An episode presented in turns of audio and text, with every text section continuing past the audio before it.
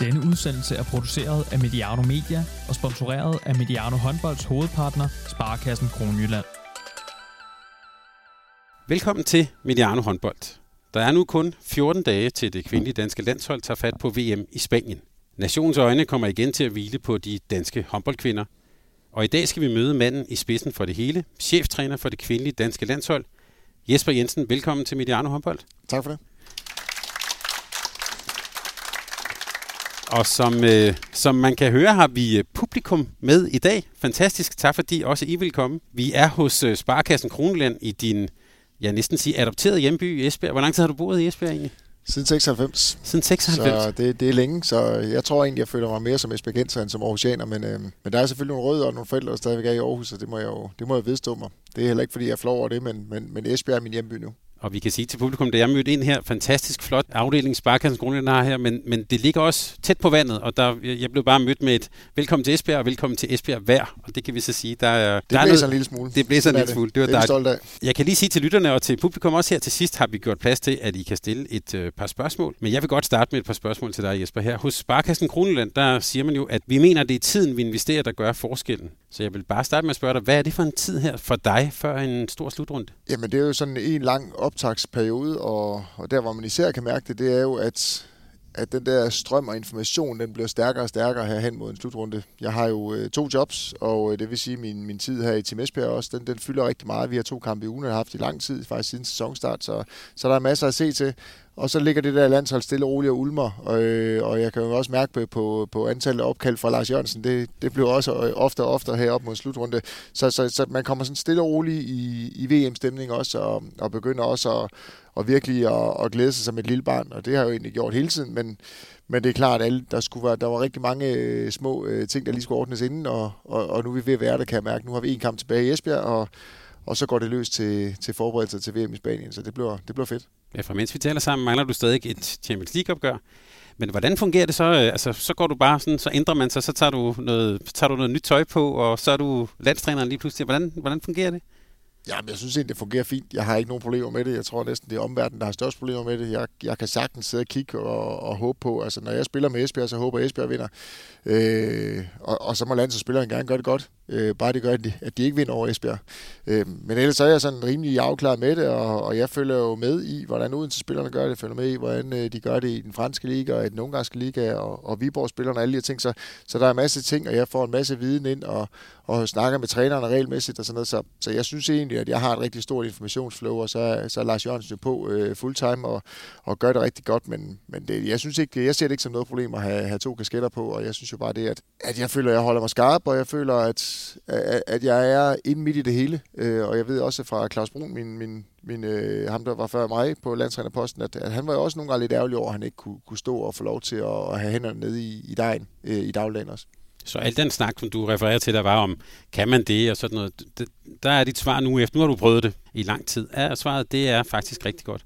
Altså jeg tror helt sikkert for, for, for alle andre er det, er det fuldt optimalt. Øhm, for mig selv kan man jo sige, at jeg gad godt, at der var 26 timer i døgnet nogle gange, men, men, men det er der ikke, og jeg har prøvet at spørge de flere steder. Der er ikke nogen, ikke nogen der kan give mig et svar på, om det kan lade sig gøre. Øhm, så, så det er bare det er en præmis, og selvfølgelig er det, er det hårdt i nogle perioder, men, men, men det er jo også noget af det, jeg drømmer om, og øh, både det, der sker på klubplan, men også det, der sker på landsholdsplan, så så alt i alt øh, har, har meget af min familie gjort op med os selv, at, at de tror også på, at de får en gladere far og en gladere ægtemand hjem ved, at, at han har nogle, nogle ting i sin dagligdag, som han synes er mega fedt. Ja, for nu talte vi om det her med at investere tiden, og du har næsten svaret på spørgsmålet, men det der med 26 timer, men som landstræner og før en slutrunde, vil man altid føle, at man godt kunne have brugt lidt mere tid, eller bare der var lidt mere tid til det og det? Ja, det tror jeg. Men, men jeg er nu egentlig også den øh, overbevisning, øh, både på som klubtræner og som landstræner, at, at man kan også få for stort informationsflow, fordi du kan alligevel ikke lade særlig meget gå videre til spillerne. Så, så, så hvis, jeg har, øh, hvis, jeg, hvis jeg kun har 90, hvor jeg måske kunne have haft 100, hvis jeg var fuldtids øh, af informationsflow ind til mig, så kan det være, at, så kan det være, at jeg alligevel kun vil give øh, 3, 4, 5 procent videre til spillerne alligevel, fordi at, at der, er også, der er også en mængde, som de skal kunne håndtere. Og, og så i og med, at jeg har Lars med mig, og Lars er sindssygt dygtig til den der kommunikation med, med, med klubber og spillere og, og klubledere og det hele, så jeg, jeg føler mig rigtig, rigtig godt øh, klædt på, og, og Lars er en gigantisk hjælp i, i det team, vi har sammen, og, og han, han giver mig en tryghed til, at jeg kan komme og gøre det, som jeg synes, jeg er dygtigst til, nemlig at være håndboldtræner, og så, så har han faktisk styr på mange af de ting, som jeg egentlig tænker, han langt hen ad vejen er, er noget dygtigere til, end jeg Det om jeres team skal vi høre om lidt senere. Jeg kan røbe for dig eller nu, eller advare dig om, at Lars Jørgensen jo, ham mødte jeg for 10 dage siden, og han gav mig et par spørgsmål med, så det kan du glæde ja, dig til. det er meget tryg ved. men, øhm, men det her med en slutrunde, Jesper, øhm, du har jo prøvet det øh, mange gange som spiller, og, og, og nu også som træner for, for et års tid siden. Også der ikke har prøvet at være til en slutrunde, kan du ikke prøve at tage sådan lidt med ind, hvad er det egentlig med en slutrunde? Vi hører tit om søvn og mad og pres, og, øhm, og, og det er jo en, en ret intensiv periode, hvor I her skal I spille hver anden dag heldigvis. Hvad, hvordan er det at være til en slutrunde? Det kunne jeg måske starte med at spørge. Intens, tror jeg, det er det rigtige ord. Det er, det er med nerven ude på tøjet, og det er med et enormt, øh, enormt over, overvågenhed. Altså, vi har jo, vi har jo presset folk øh, løbende i hælene på os i rigtig mange timer i døgnet, og vi skal forholde os til det, og, og spilleren læser også, hvad, hvad TV2 og det er, og hvad ellers øh, alle andre medier skriver øh, om dem og om os. Så, så, så du, øh, du er aldrig rigtig helt øh, øh, af, du er aldrig rigtig helt fri, og som, som træner især, og der, der synes jeg jo nogle gange næsten, at man er, man er meget mere på, fordi et, det er, det er din rolle, der står på kogepladen, ikke? Øh, så, så hvis det ikke lige går, så er det, så er det også dig, der bliver brændt af. Øhm, og så skal du holde øje med alle spillerne, har de det godt, og, og vi er 16 mand afsted, og det er sandsynligvis kun de 13, 14, 15 af dem, måske som spiller regelmæssigt, så, så hjemme der kun kan være syv baner, så er der altid nogen, du lige skal have lidt opsamlingsarbejde på, og så skal du kigge hen mod næste kamp, og du skal måske også nogle gange kigge hen mod næste kamp igen. Så, øh, så, så jeg ved, altså Morten Henriksen sagde til mig inden slutrunden i Herning, at, øh, at alle landstræner har troet, at de kunne håndtere det, og øh, alle sammen er jo næsten blevet brændt af på deres første slutrunde. Jeg synes egentlig, at ja, jeg er jo vant til ikke at sove så meget, så jeg har jo jeg har også børn, så, så og har et klubtrænerjob, så, så jeg er jo vant til at bruge timerne i døgnet på, på at arbejde, ikke så meget på at sove. Så, så jeg synes egentlig, at jeg kom ret godt igennem den, øh, den, den der intense periode i, i Herning, men, men ja, det er, det er vanvittigt intenst, og, og der, det, det er det er med følelserne ude på tøjet, og det er helt op og helt ned, og ja, det, det, det, det, det er på alle mulige måder det, vi drømmer om, men, men jeg tror ikke, det er sundt for, for hele kropssystemet at skulle igennem det alt for mange uger om året. Hvordan har familien det så, når de får Jesper Jensen hjem til jul her i år? Ja, det kommer på resultaterne, tror jeg. men hvad er det for en Jesper, der kommer hjem? Ej, det er jo en, der glæder sig til sin familie. Det, det er jo også bevidst omkring, at, at de offrer jo også noget ved, at jeg er væk i, i julemåneden, som egentlig er en super hyggelig måned normalt, hvor man sidder til julekalender med sine børn og pakker adventsgaver og alle mulige ting. Så, så jeg er også bevidst omkring, at når jeg kommer hjem, så kan jeg jo ikke bare lægge mig som sådan en, øh, en vredet karklud inde på sofaen, og så, og så kigge op, når det bliver juleaften fire dage senere. Jeg, jeg er nødt til at komme hjem og bidrage også. Og så er det jo klart, at så må jeg jo tage de pauser, jeg kan få en gang imellem lige at få lavet batterierne op. Men, men selvom der er stor forståelse fra familiens side, så, skal jeg jo også, så, så har jeg også en anden form for, for værdighed over for min familie og, og, og respekt for det, de har været igennem også i december. Så selvom det har været hårdt for mig, så tænker jeg også, at min kone, hun, hun har også brug for at trække vejret for, for de tre børn. Så, så selvom jeg er med til opdragelsen, så må jeg også sige, at det er ikke gået lige godt det hele. Jeg tænker, at, øh, at måske skal du lige være sådan meget konkret. Jeg kan se, øh, så vidt jeg kunne have kunne læse mig til, så skal I spille 2045. Det er nok af hensyn til dansk tv og julekalender og så videre. Hvornår er man så sådan, hvordan ser sådan en aften ud? Hvornår er man i seng der? Hvornår, øh, hvornår lægger du hovedet på puden? Ja, hvis man tager sådan en 48 timers cyklus, så, så spiller vi jo en kamp. Og så er vi jo hjemme på hotel omkring klokken hvad er vi, 23. Nu skal vi så bo i Barcelona, som det er også rigtig smart, ikke? fordi at øh, IHF har arrangeret, at vi skal bo øh, 40 km væk fra vores, fra vores øh, spillehal. Så, så den bliver nok midnat, inden vi er hjemme på hotellet. Og øh, så sidder Lars og jeg og kigger lidt video hen mod næste kamp. Så får vi vores video, vores egen kamp øh, uploadet eller downloadet, og så får vi en masse klip derfra, som vi sidder og vælger ud til spillerne. Så har vi næste morgen klokken 10, tror jeg, der har vi sådan et, øh, et stort video øh, møde med spillerne, hvor vi prøver at evaluere lidt. Vi kalder det open hour, hvor vi sådan ligesom kan, kan få en debat omkring håndbold, hvad der er sket, og lige tage tingene ned. Så, så går der en time med det, så skal vi lige have begyndt at klippe frem, så har vi taktik til næste kamp, det har vi omkring klokken 3, tror jeg, om eftermiddagen, to-tre stykker om eftermiddagen, og det skal vi også nå at have klippet, så der er mange ting, der lige skal klippes derfra fra en kamp er slut, og så til næste dag kl. 3. Der er faktisk to kampe, vi skal have, have kørt igennem. Øhm, så skal vi lige have planlagt en træning, for det fungerer nok klokken 4, halv 5. Og så derfra, så begynder man at trække vejret igen.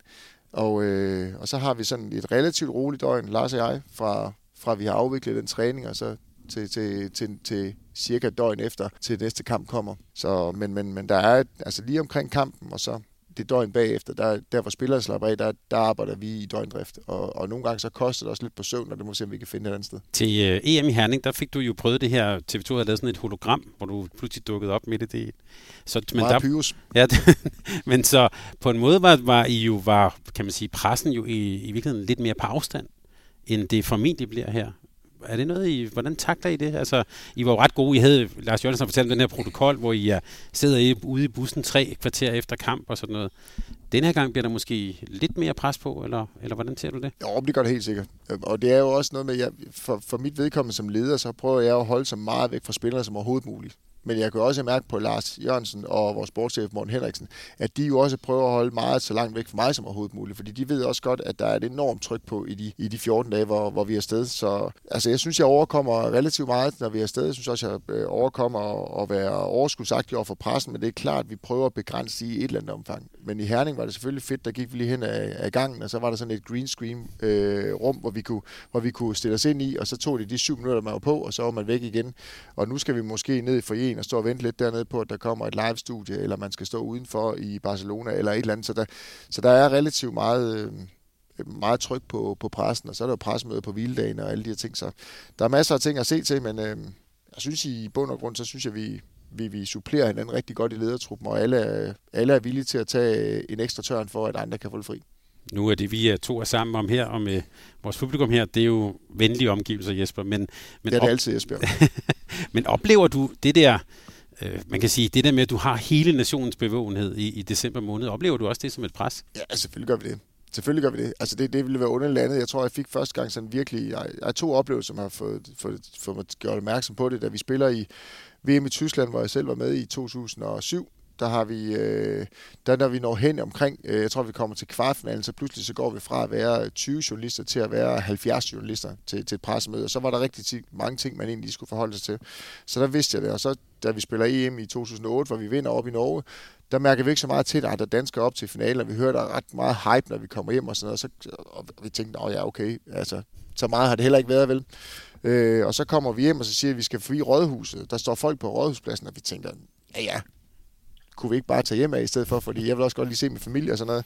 Og så kommer vi ind på rådspladsen, og så er den bare fuldstændig propfyldt, og der var flere der, der var til EM 92 i, i, i fodbold. Så, så, så der, der, fik man, der fik jeg op øh, øje for, hvor meget håndbold kan fylde, og hvor, hvor, og hvor meget folk de bakker op omkring det. Og så er det klart, nu står jeg så selv med hovedansvaret, ikke for pigerne, og, og, og så ved jeg jo godt, hvor stort et tryk, for alle dem, der stod inde på rådspladsen, de har så også siddet og kigget med dem, så hører seertallene, de ligger over en million, så ved man også godt, hvor mange der har en holdning til tingene, og, og det, som især fylder meget for mig, det er jo, hvordan folk de snakker om det. Øh, jeg har jo også børn, der går i skole, og, og en kone, som, øh, som også er ude på arbejdsmarkedet, og, og skal sidde og lytte til mandagstrænerne, og, og det var da også for ringe, og hold kæft, og han dårlig, og han skulle have gjort det og det, og det, det skal vi selvfølgelig prøve at præppe lidt på, men, men jeg synes, det trykker næsten større end det, der er på mig selv. Altså, jeg ved jo, det er en branche, hvor man kan blive fyret, og, og så længe jeg synes, jeg opfører mig ordentligt og behandler folk med respekt og, og, og gør, hvad jeg kan, og, og arbejder hårdt nok, så har jeg også lidt sådan, så kan jeg se mig selv i øjnene, og skulle det så være en fyreseddel en dag, så er det en fyreseddel, og så må jeg vide, at det er jo en del af, af, af, af branchen, desværre. Men bevågenheden fortæller måske også noget om betydningen. Altså, øhm, og jeg kom til at tænke på Jesper Kasper Julemand her under fodboldens EM, talte jo meget om, hvad fodboldlandsholdet betød for danskerne. Hvad, hvordan oplever du, at det kvindelige håndboldlandshold, hvad betyder det for danskerne? Jamen, det, det betyder meget, synes jeg. Jeg synes, at fodboldlandsholdet i Herne øh, er jo begyndt at, at, at, at stjæle vores, øh, dem, der, dem, der også gerne vil se med på damehåndbold, fordi det er jo sådan begyndt at blive en familiebegivenhed, øh, ikke fordi de taler så holistisk til folk, hvor jeg synes jo, at nogle gange damehåndbolden har været, har været for gående for, det, det er jo rigtig meget familie. Nu kigger jeg også ud til Esbjerg, der, der, der er jo også der er enormt mange øh, kvinder med ud at kigge, der er enormt mange børn med ud at kigge, så det, det er sådan, det, det er sådan hele Danmark, vi repræsenterer, hvor jeg nogle gange, altså herrehåndbold er måske også meget familie, men trods alt lidt flere mænd. Øh, og fodbold, lidt flere mænd igen. Så, så jeg synes, vi repræsenterer øh, hele familier, og det, det, det, synes jeg, det synes jeg er fedt, og jeg synes jo, at pigerne er enormt dygtige til at give af sig selv. Der har været nogle år, hvor, hvor vi synes, har det været pressen mod hold og sådan noget. Det, det, der synes jeg, de er blevet vildt dygtige til at, at få et samarbejde op og stå og sige, at vi er afhængige af hinanden. Pressen er afhængig af, at vi leverer resultater. Vi er øh, afhængige af, at, at pressen gider skrive om os. Så, så jeg synes, at vi, vi har fundet en god balance i, i alt det der. For i tirsdag udtog I så den her 16-mands trup til, til VM i Spanien. Det kunne jeg godt tænke mig, at du lige sætter lidt, lidt, lidt, lidt ord på, men måske først lige til, at, til en start. Hvordan er det egentlig at udtage 16? Du kunne jo godt have udtaget flere, kan jeg... Der er i hvert fald nogen, der har sagt, at der er kun Hvorfor er det de målmænd? Hvorfor er der kun to stregspillere? Det kan, kan vi snakke om lige om lidt. Men hvordan er den proces med at skulle vælge nogen til og fra? Altså, det er dejligt at have tilvalg. Det er altid dejligt at gøre folk glade. Men når man gør nogen glade, så gør man også nogen skuffet, og det er jo, det er jo desværre en del af præmissen, og det har jeg da ikke spillet godt med. Men, men den dag, jeg ikke får det godt med, og, eller den dag, jeg får det godt med, eller er ligeglad med at, at skulle skuffe folk, så, så skal jeg finde et andet arbejde. Fordi jeg synes, det er vigtigt for mig at få en relation til de spillere, og at de faktisk føler, at, at det også gør ondt på mig. Så jeg er med på, at det gør mere ondt på dem. Men, men det gør også ondt på mig at skulle ringe op og skuffe. Jeg ved jo også, hvor mange der har en drøm om at komme til VM. Og når vi så kommer til VM, så er der 16 mand med, og så er der kun syv, der kan spille af gangen. Og, og de ni, der sidder ude, de er også skuffede, og de vil også gerne noget mere. Så, så det er en evig balance der med, at hver gang man gør nogen glade, så gør man også nogen lidt ærgerlig. Og der tror jeg bare, det handler om at, at have en eller anden form for respekt for, for de følelser, der også er i det, men, men også en, en eller anden indre varme for, at at de kan mærke, at det gør også lidt ondt på mig. Nogle af dem, som så ikke er med, altså nu sådan helt lavpraktisk, ringer du til dem, eller hvordan, hvordan er sådan processen? Øh, nej, det gør Lars. Mm. Øh, og det har vi egentlig valgt lige fra start af, at øh, jeg ved fra det norske landshold, der er det altid cheftræner, der ringer, hvis, det, hvis de ikke kommer med, og assistenttræner, der ringer, hvis de kommer med.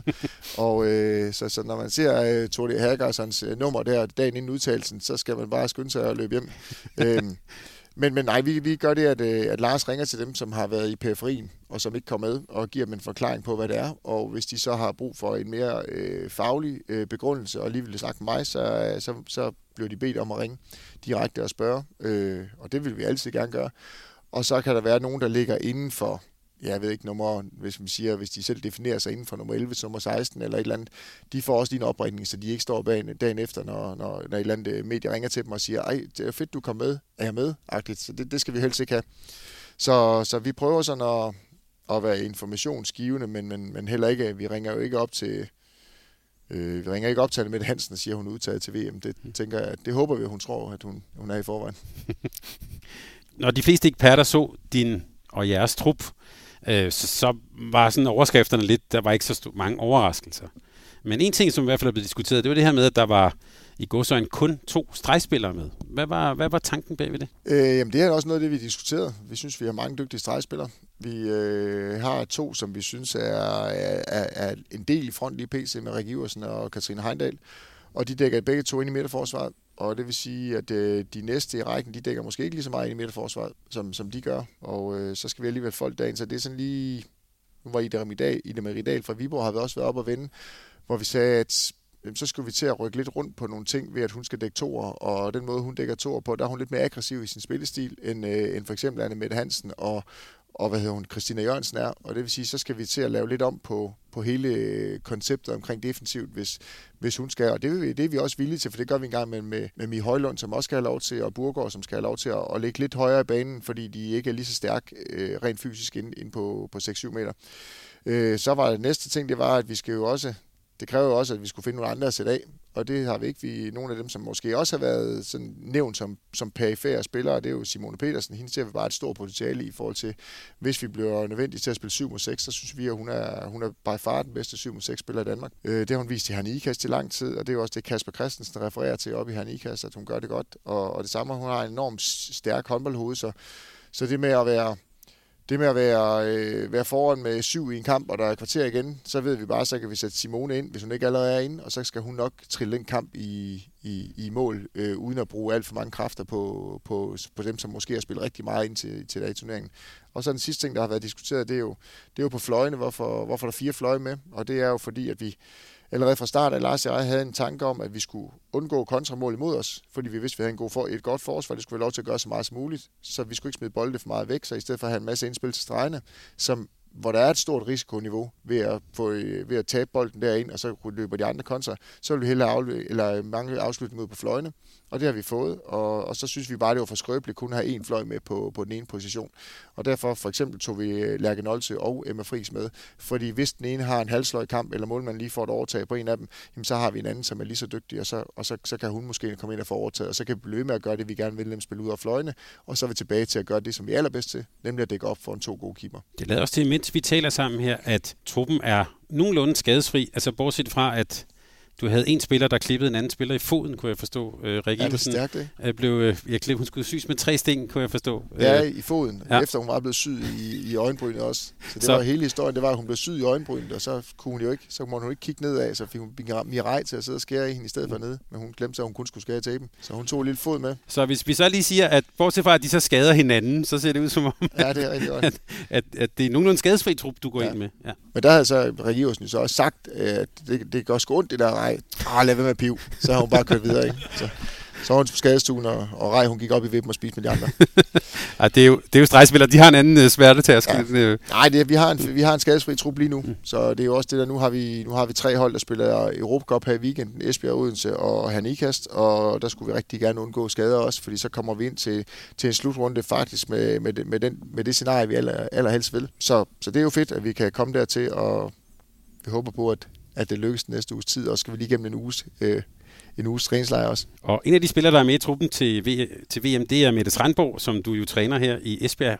Hende skal vi lige høre fra her i et interview med Sparkassen Kroneland.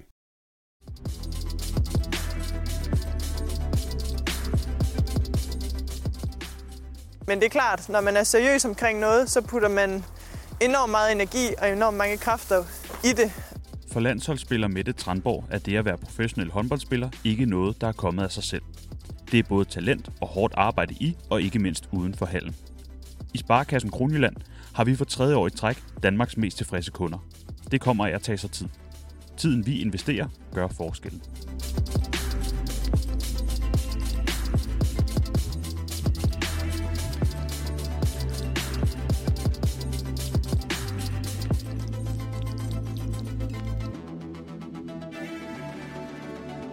Jesper Mette Tranborg, hende øh, har du jo et indgående kendskab til. Hun har også haft lidt en, sådan en, en skadesperiode. Hvor står hun nu her før, før VM?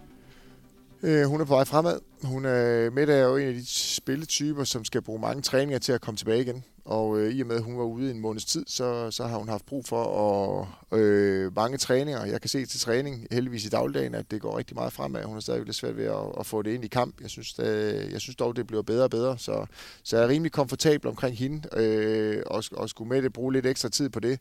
Så har vi både Burger og, og Mie Højlund, som spiller en rigtig, rigtig god højreback også. Så, så jeg er ret sikker på, at vi nok skal få, få med det øh, kørt helt op på, på niveau øh, som minimum i løbet af turneringen, men også inden turneringen. Som sagt havde jeg for nylig en samtale med assistent Lars Jørgensen i Sparkassen Grundland i Køge. Og det lød faktisk på mig, som om han godt kunne lide at arbejde sammen med dig, men det var bare mit indtryk. Ja, han er sød nogle gange. men hvis du så skulle sætte et ord på, hvordan ser du jeres sådan, samarbejde og de roller, I har i, i jeres trænerteam? Ja, hvis Lars kan lide mig, så, så ja, ja, han er der kun Han sagde det ikke direkte, mig, det var bare min indtryk. Ja, ja. ja, jeg ville helst have haft en anden jo, end Lars, men jeg kunne ikke få andre. Så. Nej, Lars er jo en fantastisk, et fantastisk menneske øh, god til at snakke med alle mennesker, og, og enormt fagnende på alle mennesker. Så, så, så, så jeg synes, vi har et fedt samarbejde, i og med, at jeg også nogle gange skal tage nogle hårde beslutninger, så, så er han der også til at, at samle op på dem. Han er rigtig dygtig til at få at, at have god kontakt rundt med klubtrænere, og han er rigtig god til at have god kontakt rundt med spillerne, og han er enormt opmærksom på, på andre mennesker. Og når vi er til slutrunder, så, så har han også et stort workload i sig, og han, Jamen, han er bare omgængelig, og så er han jo skide dygtig, især på den defensive del. Og så synes jeg jo også, at han faktisk er, øh, er relativt dygtig til også at, og udfordrer mig, og der har vi også Christina Roslyng, som, som, som hvis Lars udfordrer mig, så, så, så losser hun mig i røven en gang imellem for at sige, at nu, nu skal du huske at gå i den retning også. Så, så på den måde, så, så har vi skabt et, et rigtig godt lederteam, og der er rigtig mange med, fordi både fyser og målmandstræner, det hele er jo en del af det her lederteam, så vi, vi, vi er mange om det her, og selvom det er Lars og jeg, der nogle gange står i, i medierne, så, så er vi altså rigtig mange om det her, og vi og, og det, det generelt for hele ledergruppen, så er vi så er vi enormt dygtige til at acceptere de andre styrker jeg ved godt, at, at alle de andre, det de kan, det kan de bedre end mig. Og, øh, og derfor, når de så snakker, har jeg ikke behov for at, at blive hørt. Og det samme er det faktisk også med dem. Altså, så, så når jeg har noget, som jeg laver, nemlig håndbolddelen, så, så, så blander de sig ikke, og der er ikke nogen, der har behov for at blive klappet med ekstra meget på skuldrene eller alt muligt andet. Vi har enorm respekt for hinanden, og det, og det der er Lars jo bare en stor del af, når det nu er ham, vi snakker om. Altså, fordi Lars er jo enormt ydmyg, men også bevidst omkring sin kvalitet, og tør også godt en gang imellem at, at, at, at tage stilling til noget, og så er han altså hans, hans, hans, hans største del af det, det er jo hans menneske. Han er jo han er simpelthen så omgængelig og så, så rart et menneske. Det skal du også lige klippe ud, hvis jeg skal høre det i hvert fald. Det, det, det, det ja, gør Du altså ikke. øhm, der, er jo, der er jo sådan lidt en vidighed i håndboldmiljøet, når, at når Norge udtager deres øh, trupper til slutrunder, så er der sådan en kolonne med spillere, der er 16, og så er der en kolonne med ledere, der er i ofte 20 over i den kolonne. I er også blevet lidt større hold. Ikke, I er ikke helt 20, når I er afsted. Men er du også en leder for en, en, ja, kan man sige, for en lille virksomhed eller en lille organisation, når I er afsted? Ja, jeg tror, vi var, jeg tror næsten, vi var, var vi 14 ledere afsted til EM i Herning, men det var så også fordi, at, at det kunne lade sig gøre inden for økonomien, fordi det var i Herning, og det var ikke lige så dyrt. Så, så nu er vi skåret meget ned. Jeg tror, vi ender med at komme maks 10 afsted til, til, til Spanien. Øh, og det er, det er fordi, vores økonomi er mindre end Norges, altså væsentligt mindre end Norges. Og, øh, og, og, og derfor er vi, ja, er vi kun 10, fordi der er masser af dem, som vi har ladet blive hjemme, som er sindssygt dygtige til deres område, men det, det tror vi på, at vi kan dække ind. Øh, men ja, jeg er leder for en stor organisation, og det, det skal jeg det skulle jeg også lige vende mig til. Altså, jeg kommer fra Esbjerg af, hvor jeg egentlig selv er med til rigtig mange ting. Jeg er jo fandme næsten nogle gange, eller ikke nogle gange, men jeg er nede og lægge gulv en gang med på, til, til, til, til, til Champions League-kampe, hvis, hvis der mangler en hånd der, og spilleren hjælper med at køre bander ud og sådan noget. Så, så der er vi sådan en lille familie, der bare hjælper hinanden på kryds og tværs. Og så kommer man landsholdet, så pludselig så, tager man sin, så bliver man sådan chef øh, eller direktør kasket i stedet for, for, for håndboldafdelingen.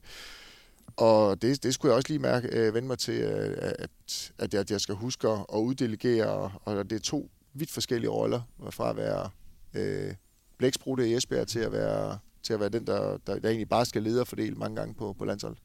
Ja, du nævnte også at få de andres fagligheder i spil, er vel også rigtig vigtigt, altså du giver plads. Men har, er du typen, der gerne vil sådan, er du, vil du helt ned i detaljen på de fysiske ting, hvad vi spiser eller sådan noget, eller der giver du jeg har en holdning til rigtig mange ting, tror jeg. Ja. Øh, jeg synes også selv, jeg er dygtig til mange ting. Men, øh, men, men, men jeg prøver virkelig også at udfordre mig selv på det med landsholdet. Og det er også der, hvor jeg, jeg synes, jeg udvikler mig. Det er, at, at jeg lader andre komme til. Jeg ved jo godt, de er dygtige, men jeg har også en stor nysgerrighed i at, og, i at gøre det til perfektion. Og det vil sige, at hvis fysen han står og laver noget, så selvom godt han ved, at han er, han er bedre end mig, så har jeg nok at jeg har engang hørt at, eller kunne det ikke være, at vi skulle gøre sådan eller sådan noget. Og så tror jeg indvendigt, han står ved en øjne af mig, og så svarer han normalt rigtig sødt, at øh, nu kan jeg roligt gå ud af værelset, han har tjek på sine ting. Vi kan sige til, til lytterne og til, til jer, der er med her, at øh, i coronatiden så jeg faktisk vores kære landstræner være med til sådan nogle handball fundamentals med Line Hårgaard. Øh, det kunne han faktisk godt. Det kan du så godt stadig finde ud af, vil jeg godt have lov at sige. Så ja, det var godt. Det, det, det, det, det, det Thomas. Ja, men det... Øh, og du var da bedre end nogle af spillerne, men det... ja, det kan vi godt lige for mig. øhm, vi har også hørt om sådan undervejs øh, med hele jeres team, det her med, at I har brugt sådan, til om roller, og I har også brugt sådan nogle profil, personprofilværktøjer til måske også at tale lidt om, øh, om roller. Øh, det har vi hørt en del om. Jeg kunne godt tænke mig at spørge på en anden måde. Hvordan arbejder man egentlig med øh, forskelligheder? Altså det er jo, I er jo mange mennesker afsted, 16 spillere, en, en trup eller ledere på 10. Hvordan arbejder man med det her med med forskellighed på, i sådan en stor trup, og i øvrigt under pres? Altså... Jamen, altså det vigtigste, tror jeg, for at man kan præstere, det er tillid, og at man har det godt. Og, og hvis man ikke har det godt, så tror jeg ikke på, at man kan præstere. Og det er et enormt intens og enormt stressende øh, miljø, vi er i som landshold. Og vi har to og en halv uge, der skal vi bare præstere på max. Så derfor er vi nødt til at skabe et miljø som ledergruppe, hvor spillerne har tryghed i. Og, og det værste, man skal være, det er da at være en anden en selv. Og, og derfor øh, var vi ret hurtige, øh, Lars og Christina og jeg, øh, til at finde ud af at få, at få, få, få, få lavet øh, en, en sætning, som skulle igen, at vi hylder hinandens forskellighed. Og, det, og der brugte vi også de her personlige profiler, og vi, vi brugte de her personlige profiler til at fortælle om, hvor forskellige vi var, og hvilke styrker der lå i det. Og de fik lov til at sidde og hylde sig selv for deres forskelligheder. De fik lov til at sidde og, og hakke lidt på modstanderne også, som ligger over i den anden side. Så hver gang man har en styrke, så har du en svaghed i den anden side. Så hvis du er struktureret, så er du nok ikke kreativ. Og det samme, hvis du er kreativ, så er du nok heller ikke struktureret. Så, så, så der er jo, der ligger en enorm, øh, en enorm vigtig del, at vi, får, for, at, vi, at vi har fået spillerne til at forstå, at det er vigtigt, at vi som hold øh, rummer det hele. Men der er også en enorm vigtighed i, at det vi sagde, det var også det vi gjorde. Så når Christina Jørgensen var grøn og totalt impulsiv i sine ting, så prøvede vi at snakke med hende om, at hvilken styrke det kunne være. Fordi nede i den anden ende, der stod Mirai, som er enormt struktureret, og hun synes, det var pisse irriterende, at Christina, hun fandt på alle mulige ting, når Rej, hun egentlig bare har lyst til at gøre det, vi har gjort tusind gange i forvejen. Så, så den der, det der med, at de kunne lære hinanden, og måske mødes et eller andet sted ind på midten, og at Rej accepterede, at Christina sagde det, men at Christina også skulle acceptere, at Rej engang imellem sagde, Christina, jeg, jeg, jeg, jeg forstår simpelthen ikke, hvad du siger. Og der ligger jeg jo meget, jeg har mega stor forståelse for Christina, for jeg er selv fuldstændig på samme måde, med bare alle mulige sindssyge tanker op i mit hoved, og, og det er ikke så mange af dem, der er særlig gode. Øh, men så nede i den anden ende, der skulle jeg også have forståelse for, hvis jeg stod i en, i en stresset timeout, og sagde til dem, som så var struktureret, ah, nu skal I høre, jeg har opfundet verdens bedste system, og så 12 sekunder senere, så kunne jeg bare se deres hoveder, de var ved at trille af, og de fattede ikke en skid af, hvad jeg sagde. Det har jeg prøvet mange gange som spiller, øh, hvor jeg stod med en god idé, og det ikke blev til noget. Så, så den der rummelighed og, og, og respekt for hinanden er enormt vigtig. Og det, det er jo så den næste sætning, eller faktisk kun, vi har kun to, den med forskelligheden på landsholdet, men også det, at vi at, vi, øh, at landsholdet skal være et dejligt sted at være. Øh, fordi vi tror også på, at hvis man har det godt, så præsterer man. Og, og for at det kan være et dejligt sted at være, så, så er vi også nødt til at acceptere, at nogen har brug for at sove 12 timer, nogen har brug for at sove 8 timer, nogen de skal have fred, nogen de skal have fest, og nogen, altså vi, vi er så forskellige og, og fedt for det. For ellers vil det også et blive kedeligt, og to, så vil vi bare gå i den samme retning alle sammen. Hvor ser man de der forskelligheder, også hvis vi skal sidde og holde øje under VM i en kamp? Hvordan, hvordan, hvordan ser man det? Hvordan spiller det sig ud, øh, hvis vi taler håndbold? Jamen det gør det, hvis du er foran med to, og det ser egentlig godt ud, og så, så er du bagud med to, og så, er der, så har du bare alle mulige, så kommer stressniveauet op, og du har alle mulige forskellige reaktionsmønstre. Der er nogen, de vil bare tænke, giv mig bolden, så racer jeg på, og andre, de vil tænke, det klarer du, bare jeg slipper. Øh, og, og nogen, de begynder at råbe og skrige, og andre, de bliver stille. Og det, der, der er vi bare vidt forskellige som mennesker. Og der har vi i hvert fald brugt rigtig meget tid. Vi har også nogle gange sprunget en træning over, fordi man får at, at give overskud og energi til at have et møde om aftenen, hvor vi sad og snakkede omkring, hvilke styrker der var i, at jeg var, som jeg var. Og når jeg så havde mine udfordringer og mine svagheder, hvad kunne de andre så gøre for at hjælpe mig? Og der tror jeg i hvert fald, der ligger rigtig meget i, at, som vi siger før, ikke den der accept og respekt af, at det faktisk er, når man har en svaghed, så i stedet for at fokusere på svagheden, så fokusere på, at ja, hun er, hun er ikke særlig struktureret. Nej, men det er fandme fedt, hun er kreativ. Hvordan arbejder man så med, det, det tror jeg godt at sige, for det har hun også sagt til os her, sådan en spiller som Anne Mette Hansen, som hun, sagde, hun fortalte i hvert fald en samtale også, at hun var meget selvkritisk, var det ord, hun brugte. Altså, at, at hun var meget, hvis hun havde haft 10 skud, og syv af dem var gået ind, så tænkte hun på de tre, hun havde skudt ved siden af.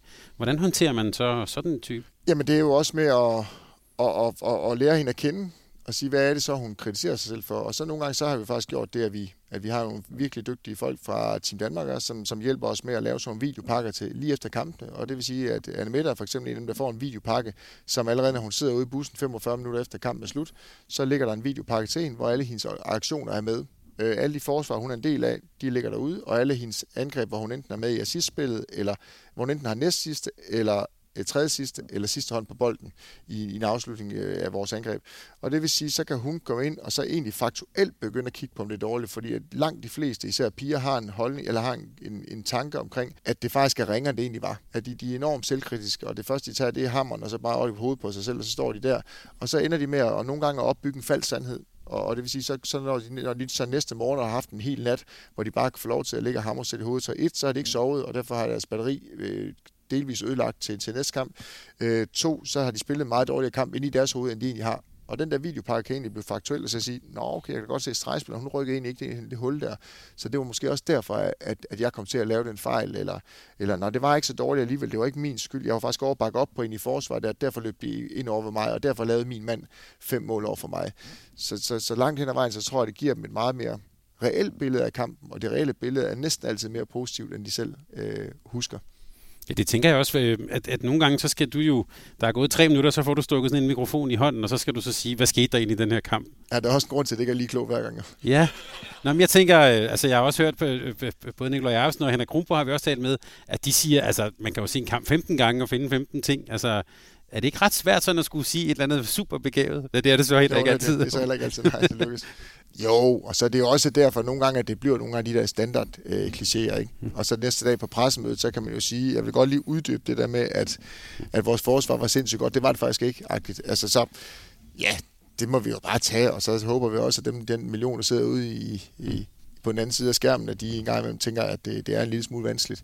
Men hellere det en gang imellem at lige at dumme sig lidt, og så bare række hånden op og sige, ja, det, det var, der var lidt for hurtigt på aftrækkeren, end at, end at bare stå og sige, ligesom fodboldlandsholdet gjorde for fem år siden, at vi stod godt, og standardsituationerne var fine, og vi skal stå på, på midtbanen og alle de ting. Altså, det bliver sgu også for kedeligt, så tror jeg ikke, vi har ser nok. Der var en ting, jeg bemærkede nu, bare for at lige gå ned i en detalje. Øh, det var bare min oplevelse til EM i Herning, når det danske hold, når du tog en time-out. Jeg synes, du var nærmest grænsen til det utroligt rolige. Du var meget rolig i de her timeouts. Altså det var, øh, det var vi, vi gør det, vi gør det. Det var også meget sådan på spillet. jeg oplever det ikke helt på samme måde, når jeg ser Team Esbjergs kamp. Jeg er to forskellige ledertyper, afhængig af, hvor jeg er hen. Mm. Men jeg prøver også at tilpasse. Øh, det skal selvfølgelig ikke inden for mine rammer, hvad jeg kan stå for som menneske. Øh, jeg kan jo ikke blive sindssyg, fordi det, det har jeg ikke i mig. Øh, men, men jeg prøver at tilpasse mig efter, hvad jeg tror er holds behov. Øh, lige så vel som jeg tilpasser mig efter de forskellige mennesker, jeg snakker til. Så det er klart, at nu brugte jeg lige Christine Jørgensen og Mia Rej før, ikke, som to eksempler, fordi de to modpoler på hinanden på kreativitet og struktur. Og, og, og Rej playmaker, så skal jeg at jeg skal gøre det på en måde, og Christina playmaker skal gøre det på en anden måde. Så, så hele tiden prøve at, at finde ind i en rytme. Og, og på landshold, der har jeg i hvert fald nok haft en fornemmelse af, at vi skal forsøge at finde et lidt mere steady niveau på, på mental balance. Mm. Hvorimod på Esbjerg, de kender mig på godt og ondt, og har haft øh, 100 gange så meget tid med dem, som jeg har med landsholdet. Og derfor ved de også godt, at de tager det ikke så tungt, hvis jeg lige råber lidt højt en gang imellem, eller et eller andet. Og det kan, tror jeg, det, der tror jeg ikke helt, alle landsholdsspillere er med på, hvis jeg pludselig stod helt rød i hovedet og op, nu må de kræfter med at tage sig sammen, agtigt. Så tror jeg, det vil have en negativ impact. Hvorimod nogle gange, så kan jeg godt have en fornemmelse, at det kan have en positiv impact i Esbjerg. Så, så det er sådan lidt øh, tilrettet øh, ledelsestil. Ja, for det virkede meget bevidst, men altså, øh, altså ja, netop som en stil. Jamen, det, og det var det også, og, det, og det, jeg tror også, vi retter mere til den her gang. Jeg tror også, at jeg bliver mere, tror jeg, udadvendt i den her, fordi nu, nu ved jeg, at spillerne de kender mig lidt mere, og de ved også godt, at, at, at der ikke altid, det er ikke altid alle ord, de skal, de skal lægge så meget i, men, men igen, de skal også finde ind i, hvad for en rytme det er, og, og fornemmer jeg, at de er lidt nervøse, jamen så skal det jo ikke noget at råbe og skrige af, altså det, det er jo, det er jo noget med at, at prøve at tilpasse sig undervejs. Ja, det der med, at du ikke har de der, jeg, jeg tror, der findes klip på nettet med en timeout-knap, eller en, der ikke virkede i Esbjerg engang. Det kan jeg faktisk ikke huske, men, men der var et eller andet der. Jamen, jeg, har lidt, jeg har lidt aggressivitet i mig engang. du vil gerne vinde, det tror jeg er ret ja. tydeligt for alle. Under EM, så virkede det som, der, noget du i tale satte, var i hvert fald sådan, øh, noget, der handlede om at undgå fejl, var noget I talte om. Øh, du har også lidt nævnt det der med indspil til stregen og sådan noget. Og der var nogen, øh, jeg ved blandt andet, var der på Zetland, det her magasin, skrev en stor artikel om, at det næsten sådan var helt udansk. Altså, at, øh, at, at det, det handlede om, det var sådan, at, at vi skulle minimere fejl og så spille sådan enkelt. Var det også en bevidst strategi eller en bevidst måde at gå til den slutrunde på? Det var meget bevidst. Det var en simplificering af tingene. Og sige, at vi, vi kunne godt, altså da jeg blev ansat som landstræner, der er det jo hen i januar eller februar, der vidste vi, at vi havde jo øh, fire samlinger af syv dage nej, tre af syv dage og en af ti, så vi havde masser af træninger. Så jeg havde en liste så langt over, hvad vi skulle nå til, øh, inden vi skulle nå til EM. Så kom coronaen ind over, og vi endte med at få 12 træninger, eller 13 træninger sammen inden første turneringskamp, eller inden første slutrundekamp i Herning. Så det blev noget omkring at være enormt simpelt, snakke meget omkring tingene, og så sige, lad være med at gå ud i nogle, nogle, i nogle hjørner, hvor vi ikke er med i på det spillemæssige plan, men, men hold os nu til det simple. Øh, fordi, som vi snakker om, så, så vi behøver jo ikke altid at sørge for at vinde kampen vi, hvis, hvis vi bare kan sørge for, at de andre ikke kan vinde kampen. Og de andre er jo også landshold, som ikke har haft så meget tid sammen. Så de er jo også, de er jo held, de er også lidt shaky. Og vi vidste bare, at vores defensiv, som Lars har enormt meget at på, øh, og vores keeper, de er så dygtige, at hvis vi kan få lov til at stå dernede, så, så, så skal de andre være gode for at vinde over os. Og så skal vi jo bare producere et lidt mindre antal mål. Men hvis vi starter med at forære dem 7-8 mål i kontra hver eneste kamp, så skal vi være rigtig, rigtig dygtige. Så i stedet for at skulle producere 27 mål, kan vi nu måske vinde en kamp med 24 nu. Men det, jeg så ville drille dig lidt med, det var, at det gik jo faktisk meget godt. Ja, men... Øh, får man, men får man så lyst til at putte flere ting på, eller holde sig til det enkle? Nej, det gælder om at bygge en base. Altså, vi skal have et fundament at stå på, og det fundament, det synes jeg, vi fik bygget ekstremt hurtigt her. Altså, der må jeg også bare rose spillerne helt ekstremt meget for at, at bare købe ind på de ting, vi sagde, og sige, så er det det, vi gør. Og jeg tror sgu ikke, de var altid enige, men, men vi havde så kort tid, vi var nødt til bare at gå i den retning alle sammen, og det gjorde de alle sammen. Og det, det noget, vi langt med. Men hvis jeg kigger på landsholdet i december øh, 20, og så december i 21, så er vi et helt andet sted. Jeg synes, vi er meget dygtigere. Jeg synes, vi har meget mere i vores ikke man kalder det en playbook. Vi har ikke en decideret playbook, men, men vi ved i hvert fald, hvad vi gerne vil. Og vi er meget mere bevidste omkring, når vi har med Tranborg på højre bak, så vi spille sådan. Når vi har Burger på højre bak, så vi spille sådan. Når vi har Højlund på højre bak, så er det en helt tredje spilstil, og vi ved, hvad vi skal bruge hinanden til nu. Og det tror jeg er vigtigt, fordi så, så gør vi det, så minimerer vi vores fejl, og så skal de andre være endnu dygtigere for os, for, for at vinde over os.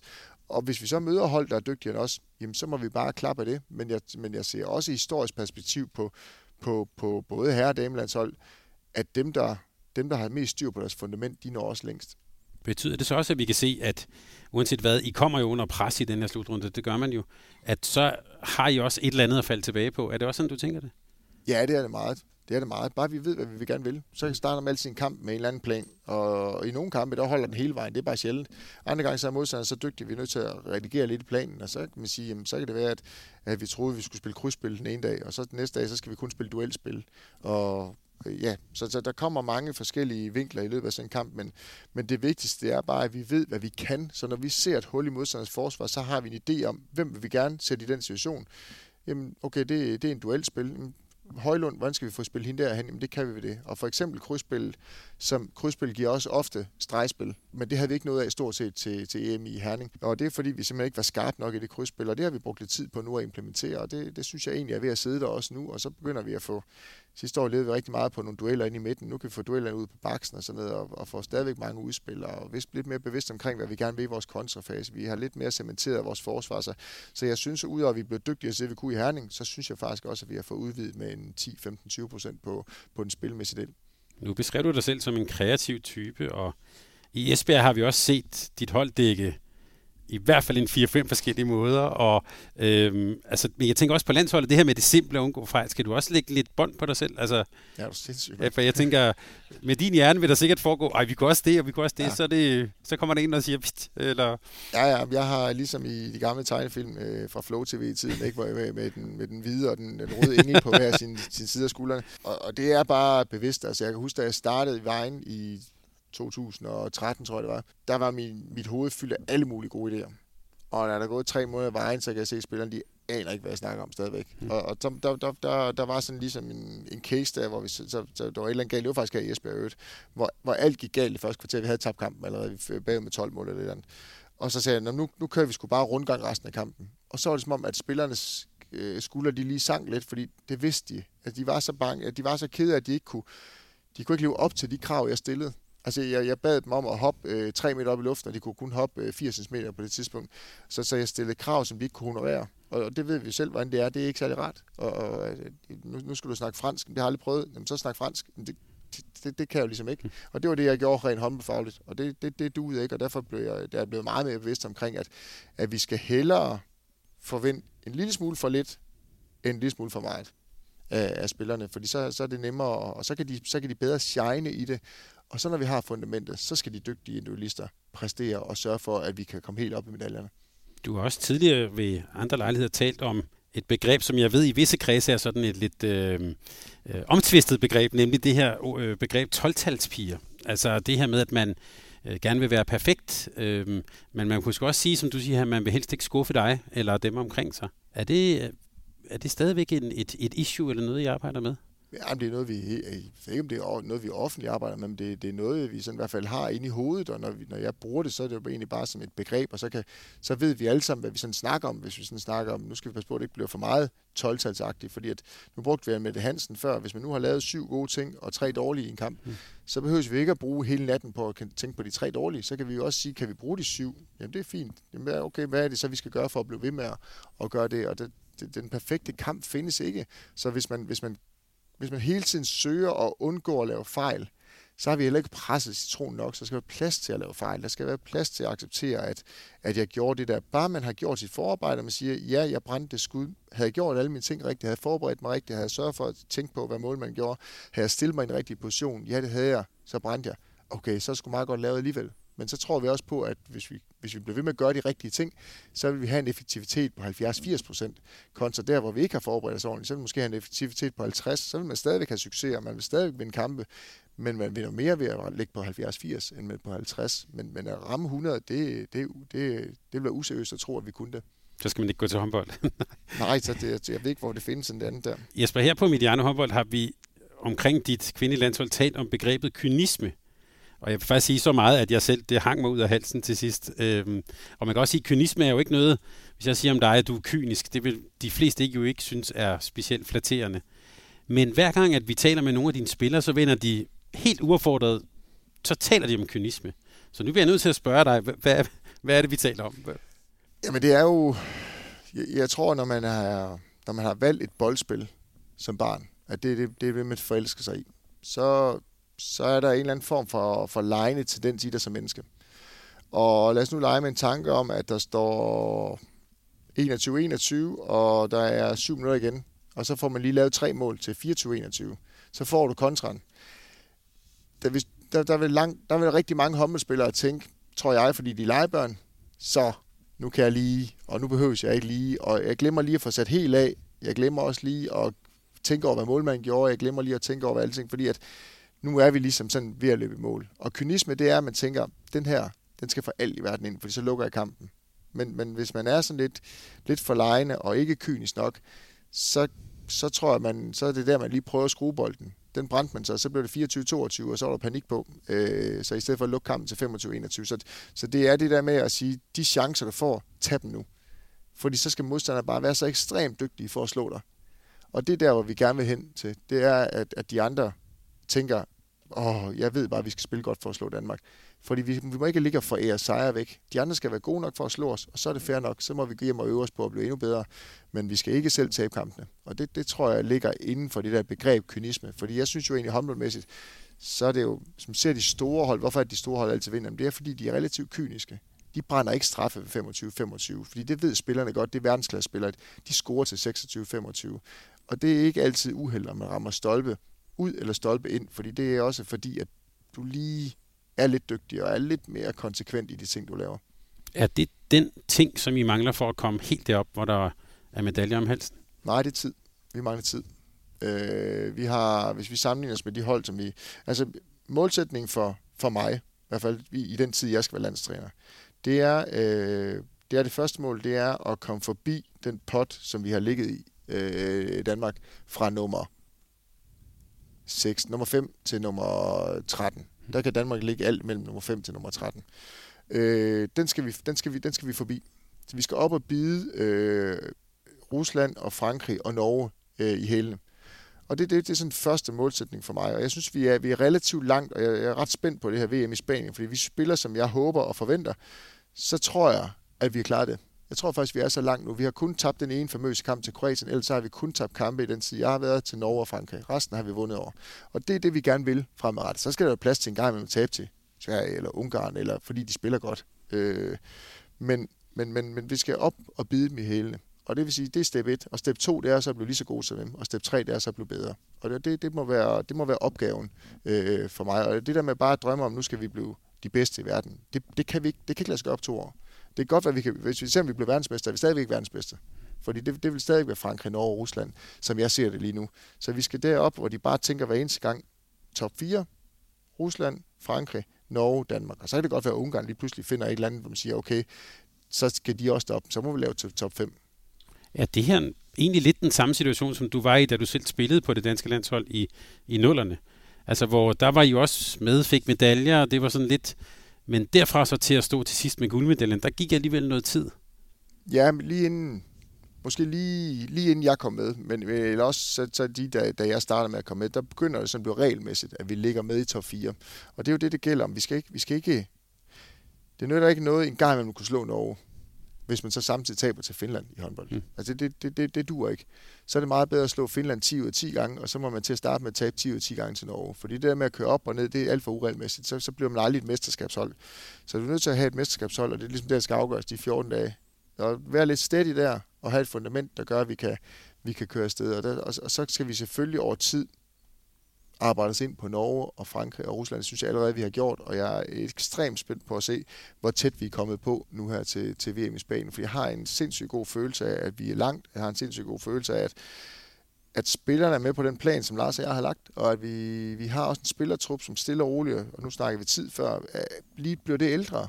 Så, så vores lige nu ser vi lige kigger på en trup, der rent aldersmæssigt og rutinemæssigt så ser ud som om, at vi kan toppe på, til OL i 24, øh, fordi at, at der er de ved at nå deres primetime som håndboldspillere.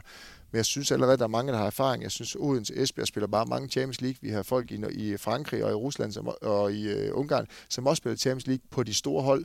Og det vil sige, at vi begynder bare at få flere og flere. Altså, da jeg var startet med at være, at være klubtræner øh, for Esbjerg, der var jo ikke nogen danske hold, der, der drønede op i... Der havde vi lige øh, Anne Mette, som spillede nede i Gjøre. Hun var lige rejst derned, men man var perifære spiller. Nu har jeg faktisk rigtig mange, der ligger og spiller i de kampe, som er rigtig sjove. Så, så jeg synes, vi bliver dygtigere og dygtigere og kommer til at tage på toppen. Og øh, nu skal jeg ikke spørge dig om, hvordan det var at sidde og se OL i sommer og sidde og er også lidt over ikke at være med. Men, Nej, jeg synes, det var fedt at se OL, fordi det viste også, at jeg synes faktisk, at med det vi har, at så er mm. vi tættere og tættere på. Altså, jeg sidder ikke og tænker, at der kunne vi ikke være med. Men når du så sad og så på det, hvordan ser du så verdenstop nu? Det er jo altid lidt specielt, når det er den første slutrunde efter et OL. Der sker som regel øh, noget. Hvordan ser du verdenstop nu? Er det stadigvæk Norge, Frankrig og Rusland, eller er der også andre på vej? Altså på kvalitet på den enkelte spiller, der er de tre øh, langt foran alle andre. Det synes jeg. Øhm, og så, så synes jeg, at der er mange dygtige hold. Tyskland ser spændende ud. Øh, vi ved, Korea, de altid som regel drosser lidt ned øh, efter et OL, for så at køre op til, til det næste OL. Øhm, synes, svenskerne begynder at få flere og flere dygtige spillere. Ungarn har bare notorisk haft rigtig mange dygtige spillere. Og ja, så, så jeg, jeg synes, der er mange dygtige spillere. Jeg synes bare, jeg synes stadigvæk, det fundament, vi er ved at bygge med det danske kvindelandshold, det, det synes jeg stadigvæk ser rigtig, rigtig stærkt ud. Jeg synes, vi har mange forskellige. Jeg synes, vi har fået en forståelse af, både internt, men også eksternt på, at vi er ikke et puslespil, der består af én brik. Vi er et puslespil, der består af mange brikker. Og der, vi har ikke en verdensstjerne som Niago, eller Nordmørk, eller en eller anden, som bare, vi bare forventer, jamen hun kan lige afgøre det, Anna Gros i Slovenien, det er hende, der skal afgøre det. Hvis hun laver 10, så vinder vi sikkert. Det er ikke på det danske landshold. Så kan det godt være en gang med i Højlund laver 8. Så næste gang, så skal det være Mette, så skal det være Christina, så skal det være Bur, så skal det være... Så, så, så vi er holdet, og vi skal have, vi skal have alle brækker til at fungere, og, og så, så er der ikke noget med, at, at Anne Mette kommer til at spille i 45 minutter i gennemsnit, for det kommer hun ikke til. Fordi hvis vi gør det, så er vi ikke dygtige nok på den plan til at afgøre tingene, så vi, vi er nødt til at være et stort, flot puslespil med mange brækker. Hvordan ser du det norske hold? Altså, øhm, de er vel så småt begyndt på en eller anden form for generationsskifte, og du har jo i hvert fald i Esbjerg, en af dem, der, ja, hun er ikke på vej, hun er der allerede hen i Rejstad, men hvad, hvad, hvordan ser du det norske hold? Hvad, hvad, hvad kan vi forvente af dem til den her slutrunde? Ej, de må være favoritter. Det må Frankrig. Øh, Rusland er ved at lave lidt generationsskift. Jeg kan ikke finde ud af, hvad der helt sker. Ny landstræner og, og en masse unge spillere med derovre Men, men, men Frankrig og Norge er er på papiret suverænt de stærkeste. Så ved vi godt, at Frankrig det kan nogle gange flyve helt op, og nogle gange falde så dybt, som man tror, det er løgn. Øh, men Norge er bare gode. Altså, de har en trup, som, som lige nu også ligger og topper øh, på deres alder. Men, men til EM i, i Herning, der havde de kun én spiller, det var øh, før omtalt Henny Rejstart på under 25, og så lå de jo fra 25, nej faktisk fra 27 næsten op til, til 40 med Katrine mm. Lunde. Så, så de skal også til at have et generationsskifte, og deres, som det ser ud lige nu, hvis vi tager Henny Rejstart ud af ligningen, så er de ikke lige så dygtige som danske spillere. Det bliver ikke populært for at sige, men det er der ikke nok være. men så lad os bare lige sætte et par ord på, øh, på Henny Rejstad. Hvad, hvad er det for en type spiller? Ja, hun er vild. Hun er vild. Hun er fra en anden planet af. Hun er, hun er den dygtigste øh, spiller, jeg har set i den alder. Altså det, det, hun er så lærernem. De fire måneder, hun har været i Esbjerg, synes jeg bare, hun, hun kan... Hun tager bare al den viden til sig og har enormt nemt ved at implementere det i sit spil og lægger bare nyt lag på sit spil hele tiden. Ydmyg, sød, fysisk, fantastisk forfatning. De mener også, at hun kunne have været øh, skiskytte, hvis det ikke var, at hun var blevet håndboldspiller. Altså hun har jo en fysik uden lige, så Jamen, hun er, hun er en fornøjelse at arbejde med, og, og, og, og lige med, med hende, der må vi sige, at the sky's the limit, og som jeg sagde allerede, inden hun kom til, til Esbjerg, så tror jeg, at hun er en af dem, som ligesom Carla Bartis gjorde det for herrene, Annie Andersen gjorde for damer, øh, Mikkel Hansen har gjort det for herrene, ikke? at de kommer til at lære de unge mennesker, at håndbold kan spilles på en anden måde. Altså, der var ikke nogen, der har set øh, nogen, før Mikkel Hansen lavede de der nærmest skruebold op i hjørnerne. Der var ikke nogen, der har set hendes spil før det. Og nu ser jeg nu 18 række, der bare blomstrer med folk, der kan det samme som Mikkel Hansen, og kan 10 gange så meget, som dengang jeg var på mit, på mit aller, aller højeste. Ikke? Så, så det, det, det, sker bare regelmæssigt i U18-rækken efterhånden. Og det tror jeg også, at Hende Reistad kommer til at lære de unge piger rundt omkring i verden, og i, i, allerhelst i Danmark, nu hvor hun er her, at håndbold som kvindespiller kan spilles på en helt anden måde, og, og, og med noget fysik og noget power og noget beslutnings dygtighed, som, er, som ikke er set tidligere på, på kvindesiden. Er hun også den type personlighed, som de navne, du nævner? Hun er nok, øh, hun er nok lidt ydmyg, men hun er 22, og, og vi prøver også at skubbe lidt til hende. Altså, når hun har lavet sine første fem mål, og så tænker, hvorfor laver du ikke bare 15 mere? Mm. Så, så begynder hun at spille de andre gode, og det er hende, der står efter, efter træning og, og, og, og giver hendes besøg med, hvad Michaela Møller skal gøre, eller kan jeg lige hjælpe dig med et eller andet her, eller et eller andet. Altså, det, det er, hun er, hun er, hun er suveræn. Og hvor længe kan I holde på hende i Team Esbjerg? Ja, hun, er ikke, hun ved det ikke selv, men vi skriver en 10-årig kontrakt med hende her snart, men vi vil ikke glemme at informere hende om det. Før vi lige øh, giver plads til et par, øh, et, et, et par spørgsmål for, øh, for salen her, øh, så tænker jeg, at vi lige skal have bare lige en lille sådan, din refleksion over jeres lodtrækning, og øh, sådan, øh, hvordan du ser sådan både indledende runde og øh, og mellemrunden. Og ja, før vi går i gang, så kan jeg lige godt sige, du kommer ikke udenom, at I har fået en god lodtrækning, eller hvad? Vi har fået en fantastisk lodtrækning. Øh, helt fantastisk. Øh, man kan sige, at de tre hold, som vi nævner, øh, Rusland, Frankrig og Norge, ligger alle sammen i den anden halvdel også. Og det vil sige, at når der skal til at spilles videre fra mellemrunden af, så havde man nu været pulje med, været mellemrunden i pulje med, med Norge eller Frankrig for eksempel, som ser ekstremt stærk ud, så har der kun været én plads at spille om i kvartfinalen. Og så var det måske været en 3-4 hold, der skulle kæmpe om den sidste plads. Nu er der så alt to pladser at spille om, og den kommer til at konkurrere med Sydkorea, og øh, Ungarn og øh, Tyskland, de tre øh, sandsynligvis ser det ud som om, at dem skal vi kæmpe med om at få to pladser. Og det, det kan vi ikke drømme om bedre. Og vi kan tabe til dem alle tre, øh, og, men, men stadigvæk kan vi, det var, ja, det er jo en suveræn lodtrækning at få, og det er jo lige det, som var, som jeg også det, eller erklæret som det mål, som jeg har sat mig, nemlig at, at vi skal være over tid, skal vi, bare, skal vi være dygtigere end dem. Og det vil sige, nu skal vi vise, at vi er i top to af de fire hold. Og det, det har jeg også en god mavefornemmelse af, at vi, at vi gør. Øh, og så ryger vi så over i noget kvartfinalspil forhåbentlig. Og der ryger vi over i noget Kroatien, øh, hvad hedder de, Spanien, måske Brasilien så heller ikke sådan, så god ud lige inden den slutrunden, og det vil sige, at så undgår vi igen den anden halvdel med, med Norge og Frankrig. Så, så vi har været ekstremt heldige med vores lodtrækning, og hvis vi, hvis vi er på det niveau, som, som jeg håber og tror på, så, så kan vi også gå langt. Kroatien må det godt blive. Der er revanche til gode. Ja, det kan man sige der. Jeg vil sige.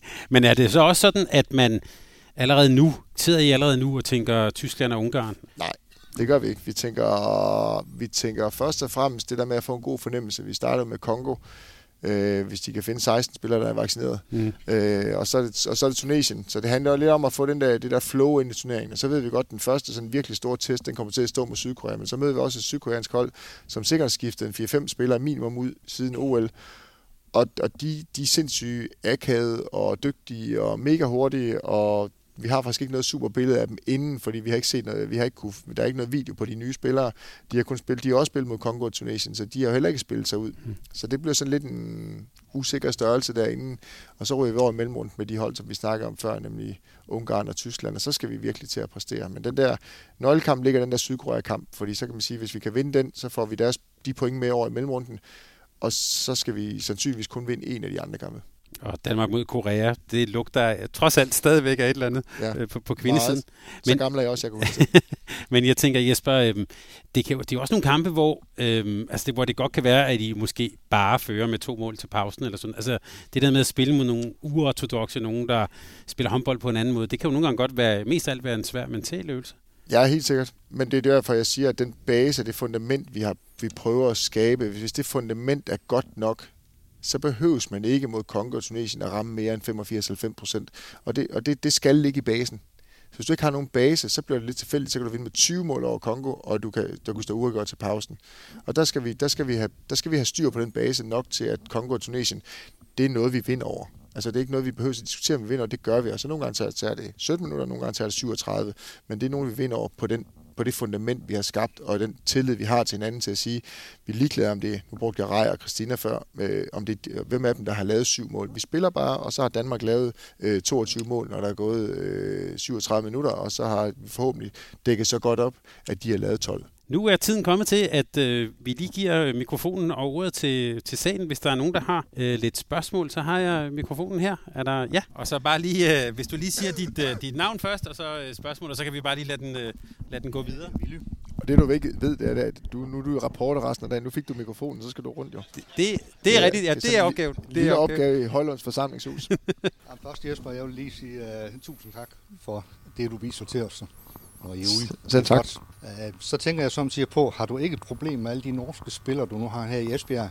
At du uh, lærer dem alle dine gode idéer og tanker, og så tager de det med op til det norske landshold, som du selv siger, der spiller rigtig godt. Øh, jo, det er også et spørgsmål, der er blevet forholdt nogle gange, men det er lidt det samme også. Jeg tror også, der er nogen, der er lidt træt af, at vi har en landsholdssamling her i, i midt i slutspil i år, hvor, hvor Mie Højlund pludselig kom uh, totalt shiny ud af, og så uh, vandt ud til DM og pokaltitlen bagefter. Så det er jo, altså, jeg er også en håndboldelsker, selvom jeg elsker at vinde, så er jeg også en håndboldelsker. Så når jeg står med Mie Højlund, så ved jeg, selvom hun spiller i Odense, så prøver jeg at gøre hende så god som overhovedet muligt, og så er det så mit, mit job, at, at når jeg træner for Danmark, og gør dem så gode som muligt, og Esbjerg dem så gode som muligt. Så, så det er jo også det, der gør, at vi kan, i Esbjerg tiltrække nogle gode spillere der, fordi de ved, at, at, at vi er all in på udvikling, og, og det er også det, jeg skal prøve at give videre på, på landsholdet, og synes er enormt spændende, og faktisk måske det, jeg synes er, er allermest spændende af det hele, det er at se spillere udvikle sig. John, øh, hvordan var det at komme fra at være herrespiller, og så gå over på den anden boldgade? Spændende. Prik, prik, prik. Ja, det er jo et forståelsesspørgsmål også. Altså, der er virkelig meget omkring det der øh, Venus og Mars, og, og, og vi er vidt forskellige, og det er der også. Øh, jeg tror bare ikke, vi skal være berøringsangste, så nogle af det der med, at man nogle gange tør at acceptere, at, at vi ved ikke alt, og det var i hvert fald noget, jeg skulle lige lære i starten, og, og som jeg også refererede til tidligere i udsendelsen med, at, at dengang jeg kom til vejen, havde jeg alt for mange gode idéer. Så, så det der med at, vi snakker også omkring ledelsestil, det der med at tilpasse sig øh, det hold, du er på. Og det var jeg i hvert fald, øh, det brugte jeg i hvert fald tre måneder, fire måneder på ude i vejen, og så blev det så også rigtig godt, synes vi selv. Og, og det tror jeg, jeg har lavet rigtig meget af. Og det er jo lidt det samme, ikke? Man, man skal jo ind og analysere ligegyldigt, om du er på en virksomhed, eller om du er på øh, en virksomheds arbejdsplads, hvor du er på, så er du jo nødt til som leder at prøve at tilpasse dig den gruppe, du skal, du skal få til at præstere. Og, og det er andre virkemidler på et kvindehold, end det er på et herrehold, men det er også andre virkemidler på, øh, på en folkeskole, end det er på et håndboldhold. Altså, så, så, så, så kvinder mænd øh, og, og, og differentierede arbejdspladser, så, så tror jeg bare, det handler om at, at prøve at tilpasse sig, men, men samtidig være sig selv. Ja, god pointe. Jeg vil godt lige følge op, mens mikrofonen lige går rundt. Øh, Jesper, øh, du har jo en, en kvindelig, hedder, er hun teammanager, Christina Roslyng? Ja. Så kunne jeg ja, jo hun spørge... er jo egentlig chef, det, det, det ved hun Ja. også godt. Men jeg kunne da godt tænke mig at spørge, som, øh, som vores gæst spørger her. Hvorfor er det en kvinde? Det er fordi, de kan, øh, de kan, noget, de kan noget andet. De, og de kan, på, no, på nogle områder, så er vi igen på styrker og svagheder. Øh, de, de, de kan noget, som de er meget bedre til, end vi er, Lars og jeg. Så, så det var helt bevidst, og jeg tror, jeg tror næsten, jeg vil påstå, at jeg ikke havde sagt ja, hvis ikke Christina havde sagt ja. Fordi at, at jeg havde brug for at have den der varme rundt omkring, og jeg har brug for, når jeg tog afsted i sådan en kort periode. Jeg er jo, selvom nogen tror, at jeg er ekstrovert, så er jeg enormt introvert, og, og har svært ved at komme i nye rum. Og det var øh, totalt grænseoverskridende for mig at stå i den første træningssamling med landsholdet, og, og, og skulle stå og præsentere mig selv. Fordi hver gang vi snakker håndbold, så er jeg rimelig tryg og, og har masser af selvtillid. Men når vi snakker mennesker, der, der, der, der taber jeg måske en lille smule selvtillid. Og det vil sige, at jeg skulle have en, hvor jeg vidste, at ligegyldigt hvad der skete, så havde Christina Rosling fingeren på pulsen omkring øh, truppen, og hvem der var ked af det, om det stadigvæk gik godt. Og, og for mig, hvis jeg skal shine som, som, som håndboldtræner, så skal jeg være tryg. Og jeg bliver kun tryg, hvis jeg kan mærke, at menneskerne rundt omkring mig øh, ved, at jeg har respekt for dem, og, og at de har det godt. Og hvis de ikke har det godt, så, så, er, jeg, så er jeg dårlig, og det gælder både på håndboldfronten, det gælder også på familiefronten. Hvis min familie ikke fungerer, så er jeg en dårlig håndboldtræner. Øh, og og hvis, man, hvis, hvis jeg kan mærke, at spillerne rundt omkring mig ikke fungerer, så er jeg også en dårlig håndboldtræner, for så går jeg og tænker på, på, på mennesker i stedet for på håndbold. Og, og der, der, havde, jeg- der har jeg brug for, eller havde og har brug for Christina til at, at mærke. Og der er hun bare en kvindelig intuition, som er øh, noget stærkere end noget som helst, jeg kan træne mig til. Og det der med at stille sig op foran truppen, og, og du er lidt på udebane, øh, skal man også kunne vise sårbarhed som landstræner? Jeg er i hvert fald ikke bange for det, vil jeg sige. Mm. Øh, vi startede også til den første samling, der startede bare op at lægge mig fladt ned og sige, sådan er jeg som menneske. Jeg er introvert, jeg er, øh, har nogle gange svært ved samtalen med, med, med et fremmed menneske. Det var svært for mig at sætte mig ned til et bord, så jeg valgte et eller andet bord, jeg tror med var det Sarah Iversen? Det var i hvert fald Sarah Iversen, i hvert fald. Det var i hvert fald helt til nogen, jeg vidste, de snakkede helt sikkert, så jeg behøvede ikke at holde samtalen i gang. Øhm, så, så det der med, at det der med, med nye mennesker og sådan noget, det, det sagde jeg bare, det var, det var sgu ikke min styrke. Til gengæld så havde jeg sådan nogen styr på det med håndbold, synes jeg selv. Øh, så, så hvis de lige skulle, hvis de har brug for, eller hvis jeg har brug for hjælp, så må de rigtig gerne hjælpe mig på den, på den del. Og det tror jeg egentlig også gjorde, at de har nemmere ved at, at række hånden op og sige, at de også havde nogle ting, som de ikke kunne finde ud af, eller ikke var lige så gode til. Og det, det har jeg jo også, og der, der har jeg jo heldigvis været dygtig til at, at plastre min, min, min øh, knap så gode færdigheder til med, med Lars Jørgensen og Christina Roslyng og hvad der ellers er omkring mig på landsholdet. Hvis der ikke er flere spørgsmål, så vil jeg tillade mig at slutte af her, så lige på det, du, du sagde her, Jesper. Jeg synes, den her samtale er gået godt. Ja, det er jeg så, Men det var heller ikke mig, der skulle være faciliteten. Det var dig, der skulle være det. Ja, ja, og, vi, og, og vi, har, vi er ikke helt frem. Vi har med den anden før, men alligevel, der var mange mennesker her. Det var du god til. Tak fordi, at du ville komme her hos Sparkassen Kronjylland. Altid en fornøjelse. Og måske skal vi lige, før vi lige giver ham en klap med, lige uh, sige uh, ønsker dig alt muligt held og lykke. Du ved, nationen kigger på dig, Ja, så held og lykke i december, og tak fordi du løber med. Selv tak.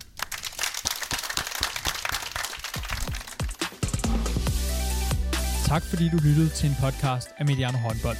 Hvis du kunne lide udsendelsen, så husk at abonnere på Mediano Håndbold, der hvor du hører podcasts. Så får du den seneste udsendelse serveret direkte til dig.